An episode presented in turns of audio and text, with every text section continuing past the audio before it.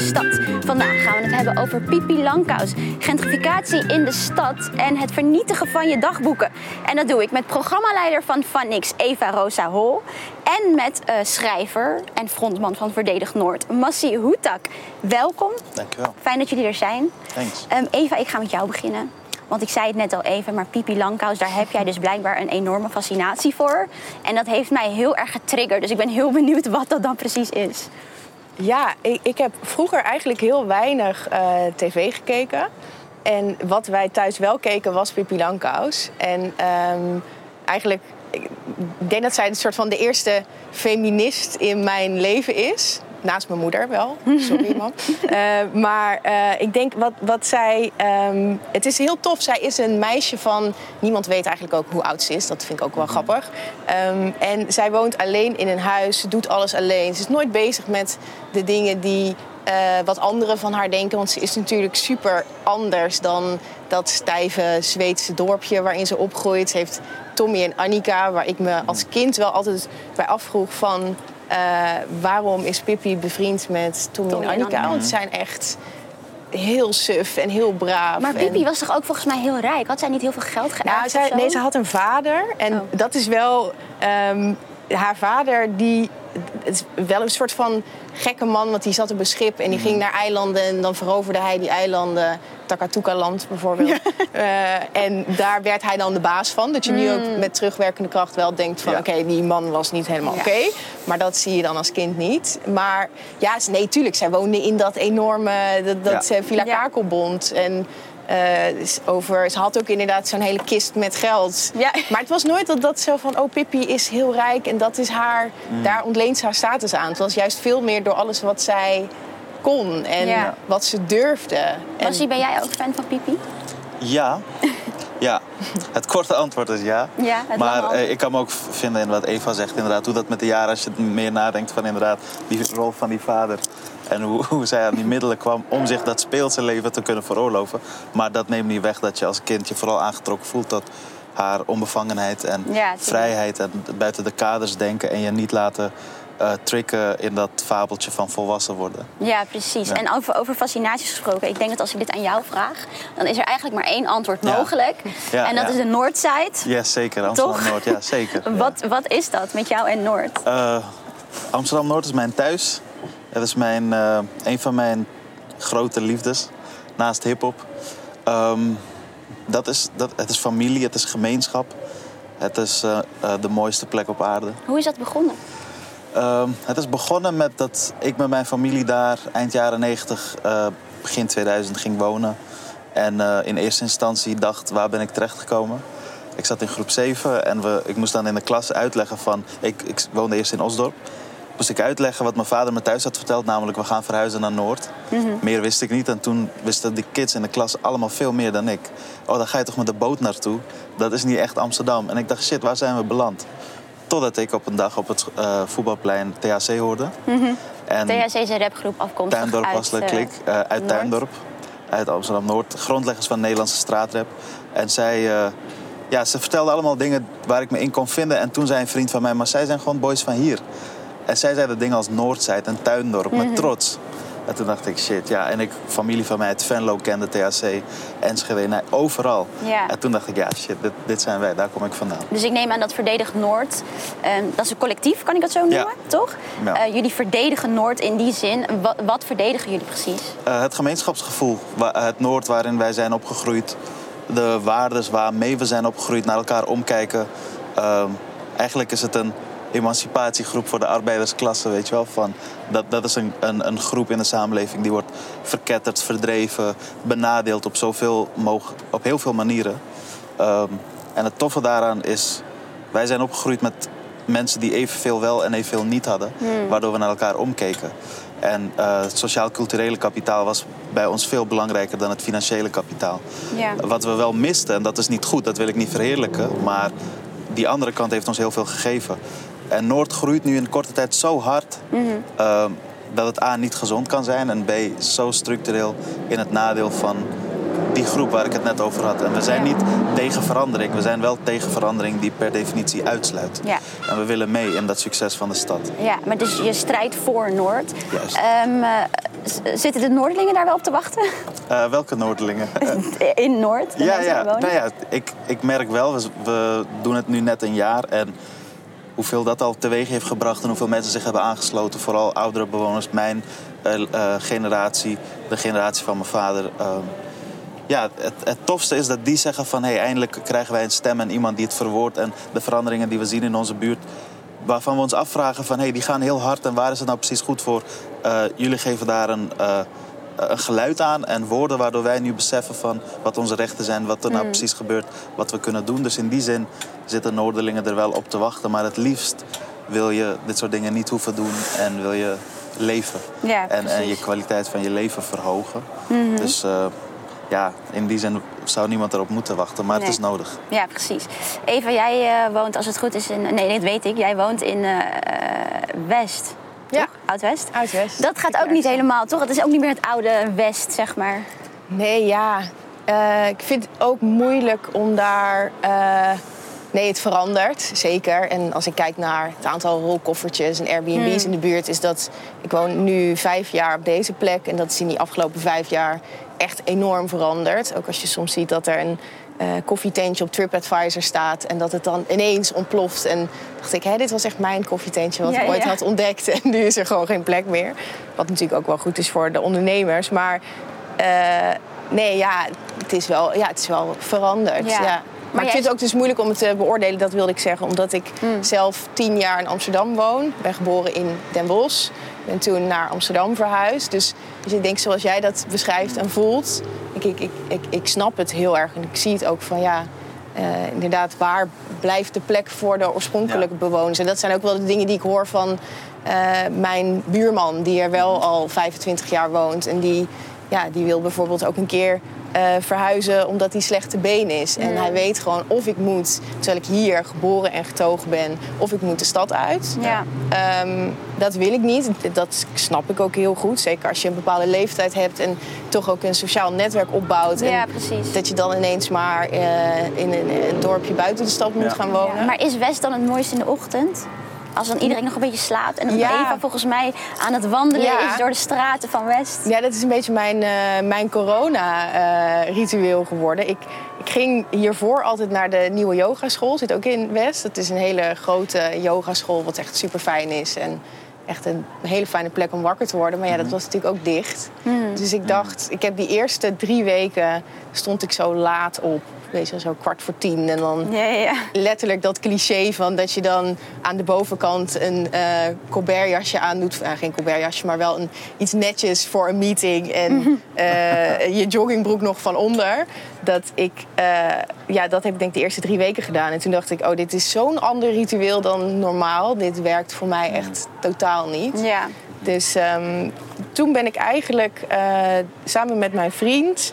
zijn we toen eigenlijk een beetje door de buurt gaan wandelen. En dat deden we elke ochtend. Gewoon meteen wakker worden, snel iets aantrekken en rondlopen. En ik denk, dan zie je wel heel erg ook hoe mooi Ja. de stad is. En eh, ik merkte ook, en het komt denk ik deels door... dat de straten gewoon veel rustiger waren. Maar ook door... eh, ja, dat je toch zo in de ochtend alles nog wat bewuster ziet Ja. en hoort. Ja. En dat je elke dag wel door de stad loopt en denkt: eh, dit kende ik niet. Of ik heb dit, eh, deze muurschildering hier nog nooit gezien. Of- Ja, precies. Ja, dus ja. Hey, eh, je was, eh, volgens mij in 2016 ben je bij Vanix binnengekomen ja. als eindredacteur. Ja. In 2018 werd je programmaleider. Wat doe je dan precies? Ehm, ja, kort samengevat ben ik eigenlijk verantwoordelijk voor alle inhoud op Vanix. Dus zowel, ik denk de meeste mensen kennen Vanix van eh, radio. Eh, ik denk inmiddels is het uitgegroeid tot een van de grootste jongerenmerken. eh, in de grote steden, maar ook echt wel daarbuiten. Dus wat ik doe is, ik ben eigenlijk de hele dag aan het praten met de mensen die bij Vanix werken... en ook mensen die buiten Vanix werken en wel gelieerd zijn aan Vanix. Ja. Ehm, Maar waar om- praat je dan over? Waar niet over? Kijk, ik denk Vanix is aan de ene kant... eh, het gaat natuurlijk heel erg over muziek. Dus het gaat ook over artiesten. We, ik denk wij representen ook wel een stukje van de muziekcultuur... die je op andere eh, radiostations, eh, maar ook in mainstream media niet veel voorbij ziet komen. Dus ik denk daar voelen we ook wel een verantwoordelijkheid voor van ja, dit, dit stukje cultuur is zo belangrijk. En het is zo, staat zo dicht bij jongeren. Ja. Wij moeten daar zo goed mogelijk verslag Ja. van doen. Dus het gaat daarover. Van, Massi, je Boef heeft een nieuw album. Je knikte mee over toen ze het had over hoe dichtbij zij staan bij de muziek en de cultuur Ja. en dat soort dingen. Waarom? eh, Ja, volgens mij eh, bedoel je daarmee hip-hop. Ja. En, en überhaupt wat eh, domineert over de hele wereld. Eh, en niet alleen jongeren, ook Hmm. eh, jongvolwassenen en volwassenen. Dus daarin knik ik heel erg omdat. Hoe kan het dat eh, Boef in één week Ja. bijna 4 miljoen eh, views heeft en zoveel miljoen streams, maar niet eh, structureel airplay heeft bij allerlei radiozenders? Ehm, en omdat ik het ontstaan van Vanix bewust heb meegemaakt, weet je, met THC, weet je Ja, wel, ja. En, en Lange Frans en Baas B tot aan allemaal Iraans, Arabische muziek, weet je, die daar allemaal heel vanzelfsprekend een thuis had, wa- wat ik nergens anders zo hoorde en wat ik herkende uit mijn eigen leven. En wat ik ook denk dat, eh waar ik me goed kan voorstellen dat heel veel jongeren inderdaad in heel Nederland, niet alleen in de steden, voor wie dat ook een vanzelfsprekendheid is, dat ze bijna nergens vertegenwoordigd zien in de media breed, laat staan Ja. alleen op de radio. Ja. Merk Ja, jij dat- dat ook? Nou ja, ik, ik denk dat maakt het ook wel dat wij als eh Phonics en dus als de hele redactie ook onze taak wel zo serieus nemen. Omdat je dus, weet je, eigenlijk zou het alleen maar goed zijn als er nog veel meer platforms bijkomen die hetzelfde zouden doen. En nu voelt het soms wel als, eh hey, wij moeten het wel goed doen en wij moeten wel Ja. zorgen dat we het op de juiste manier representeren. En eh, ja, dat, ja, dat voelt soms wel als. eh, dat is wel een ding. En Ja. het- ik denk iedereen die bij Phonics werkt, werkt er echt wel met een passie. Zowel voor je moet en van de muziek houden en je moet het snappen. Als ook voor de maatschappelijke thema's. Want dat is natuurlijk de andere kant ook Hoe wel van hoe is dat voor jou eh, persoonlijk dan? Want jij bent dan de leider. Jij moet ervoor zorgen Ja. dat dit allemaal gebeurt, dat het allemaal goed gaat. Lijkt me best wel veel pressure ook af en toe, denk ik. Ja, ik zal niet ontkennen dat, ja, dat ik niet daar wel eens pressure in voel. Maar ik denk wel als je iets doet waar je echt heel erg van overtuigd bent. En dat is wel wat ik bij Phonics eh, direct heel erg voelde. Van wat we hier doen is gewoon zo vet en bijzonder. En ik voel zoveel kracht dat we. Ik vind het zo belangrijk dat we dus voor onze doelgroep dat ook goed doen. Dat je dan denkt, ja, die dingen die je, je dagelijkse struggles die iedereen denk ik wel heeft. En ja, ook in mijn positie, soms moet ik echt met dingen dealen waarvan je denkt. Kan je daar een voorbeeld van noemen? Ehm, ja. ja, van hele kleine dingen. Van, oh, ik moet erover nadenken eh, eh, wie ehm, iemand gaat vervangen tot... eh, eh, eh, moeten we wel aandacht besteden aan dit onderwerp en hoe dan? Weet je, soms zijn dat ook best wel lastige kwesties. En vooral ook, wat is onze rol erin? En Vannis hebben we daar heel veel gesprekken ook over. En ik denk dat ja, dat vind ik wel het aller eh, eh, mooiste en belangrijkste dat we dat ook blijven doen. Eh, maar jij wil een concreet voorbeeld van. Als je een eh, concreet voorbeeld hebt ja. toevallig, ja. Want het lijkt me, wat ik, dan, wat ik dan de- denk, is dat jij dan heel erg veel aan het vergaderen bent. En je eigenlijk heel weinig bezighoudt met de muziek. En of je dat dan niet mist, weet Nee, kijk, sowieso. ehm, we hebben een muziekredactie die Hmm. da- zich daarmee bezighouden ook. En dat, eh, er komt elke week inderdaad superveel nieuwe muziek. En dan is het heel moeilijk om daaruit te kiezen wat... eh, ja, dat probeer je zo goed mogelijk te doen. Ja. Maar natuurlijk is daar wel eens... eh, hebben, we, ja, hebben we daar ook veel gesprekken over. Dus ik Ja. denk, ja, nee, het is af en toe wel moeilijk om... ehm, eh, wat, wat de uitdaging is, is om soms ook te zeggen... Want iedereen, weet je, iedereen voelt ook, Vanix is een stukje van mij. En ik denk dat is het mooiste wat je als eh, platform kan hebben. Dat het niet is van, ik werk voor iets en ik ga om eh, negen uur kom ik en om vijf uur ga ik naar huis en dan zal het allemaal wel goed zijn. Weet je, wij hebben wel eens dat we om elf uur nog, dat iemand belt en tegen mij zegt, hé, hey, ik luisterde dit item en ik vind de insteek verkeerd. En dan denk je, ja, het is elf uur, ik wil ook. Ja, ja. Maar aan de andere kant, dus ik denk, dat vind ik, dat is een concreet voorbeeld waarbij ik wel eens denk, oh ja... Ik zou nu misschien ook wel gewoon even eh, ergens wijn willen drinken. En, Ja. Maar het, het, het is een onderdeel van je leven. En als er ook iets gebeurt, dan, eh, ja, voelt iedereen bij ons de verantwoordelijkheid om daar verslag van te doen. Ja, precies. Ja. Massie, muziek is ook een groot onderdeel van jouw leven. Je hebt al twee keer THC genoemd, dus dat kunnen we ook al niet meer ontkennen. Je maakt zelf ook muziek, maar ik heb het gevoel dat mensen jou veel meer herkennen van je columns in het Parool. Ehm, voornamelijk van je columns in het Parool, denk ik. En met Verdedig Noord. Ja. Die komen best eh, vaak, eh, vooral in het lokale nieuws, kan ik vertellen. Ehm, vind je het jammer dat je muziek niet zo vaak beluisterd wordt als dat je columns Eh, worden ja. gelezen? Ja, zeker. Alleen ik vind het niet gek. Ik vind het wel jammer, ik vind het niet gek. Eh, ik ben bij mijn columns niet afhankelijk van eh, eh, een, een productiefase. Weet je, ik schrijf het zelf en ik mail het en het staat de volgende dag in de krant. Mijn wekelijkse column dan. En, Is je deadline één dag van tevoren? Nee, nee, nee. nee ik heb, ik heb woensdagnacht, donderdagochtend. Parool is een middagkrant, dus ik kan Mhm. donderdagochtend nog uiterlijk mailen. doe ik bijna nooit, wel, wel eens diep in de nacht. maar bij de muziek ben je afhankelijk soms van veel meer dingen. En ehm, ja, maar als je het mij zou vragen van wat is het allerbelangrijkste, dan is het die muziek. Omdat daarin ben ik zo vanzelfsprekend mezelf en, en eh, alle kanten van mezelf serieus, scherp, maar ook eh, met zelfspot en humoristisch. En soms kan dat in een column niet. Dus in die zin vind ik het jammer. Maar kijk, Verdedig Noord, een belangrijk onderdeel daarvan zijn ook juist die nummers die vooraf gaan met video's en aan de acties die we doen en aan de dingen die we aan de kaak stellen. En ik eh, merk dat ik daarin een ideale vorm heb gevonden waar ik alles bij elkaar kan brengen. En dus vooral ook eh, mijn vrienden en familie en andere mensen. Wat, wat op een natuurlijke manier, eh, wat, wat gewoon klopt. Ja. Ja. En je columns, dat gaan, dat, die gaan alle kanten op. Mhm. Dus ik heb het gevoel trouwens, want jij, jij bent nu je muziek aan het beschrijven, maar ik heb het gevoel dat je columns inhoudelijk ook wel een beetje die kant op gaan. Ja, als je, als je zeg maar een, een collectie van mijn columns hebt, dan heb, je, eh, dan heb je wel alle kanten. Maar ik kan in een nummer kan ik alle kanten op gaan zoals ik, dat, zoals ik misschien tien columns nodig heb. Weet je wel. Zeg maar zonder eindredactie van het parool.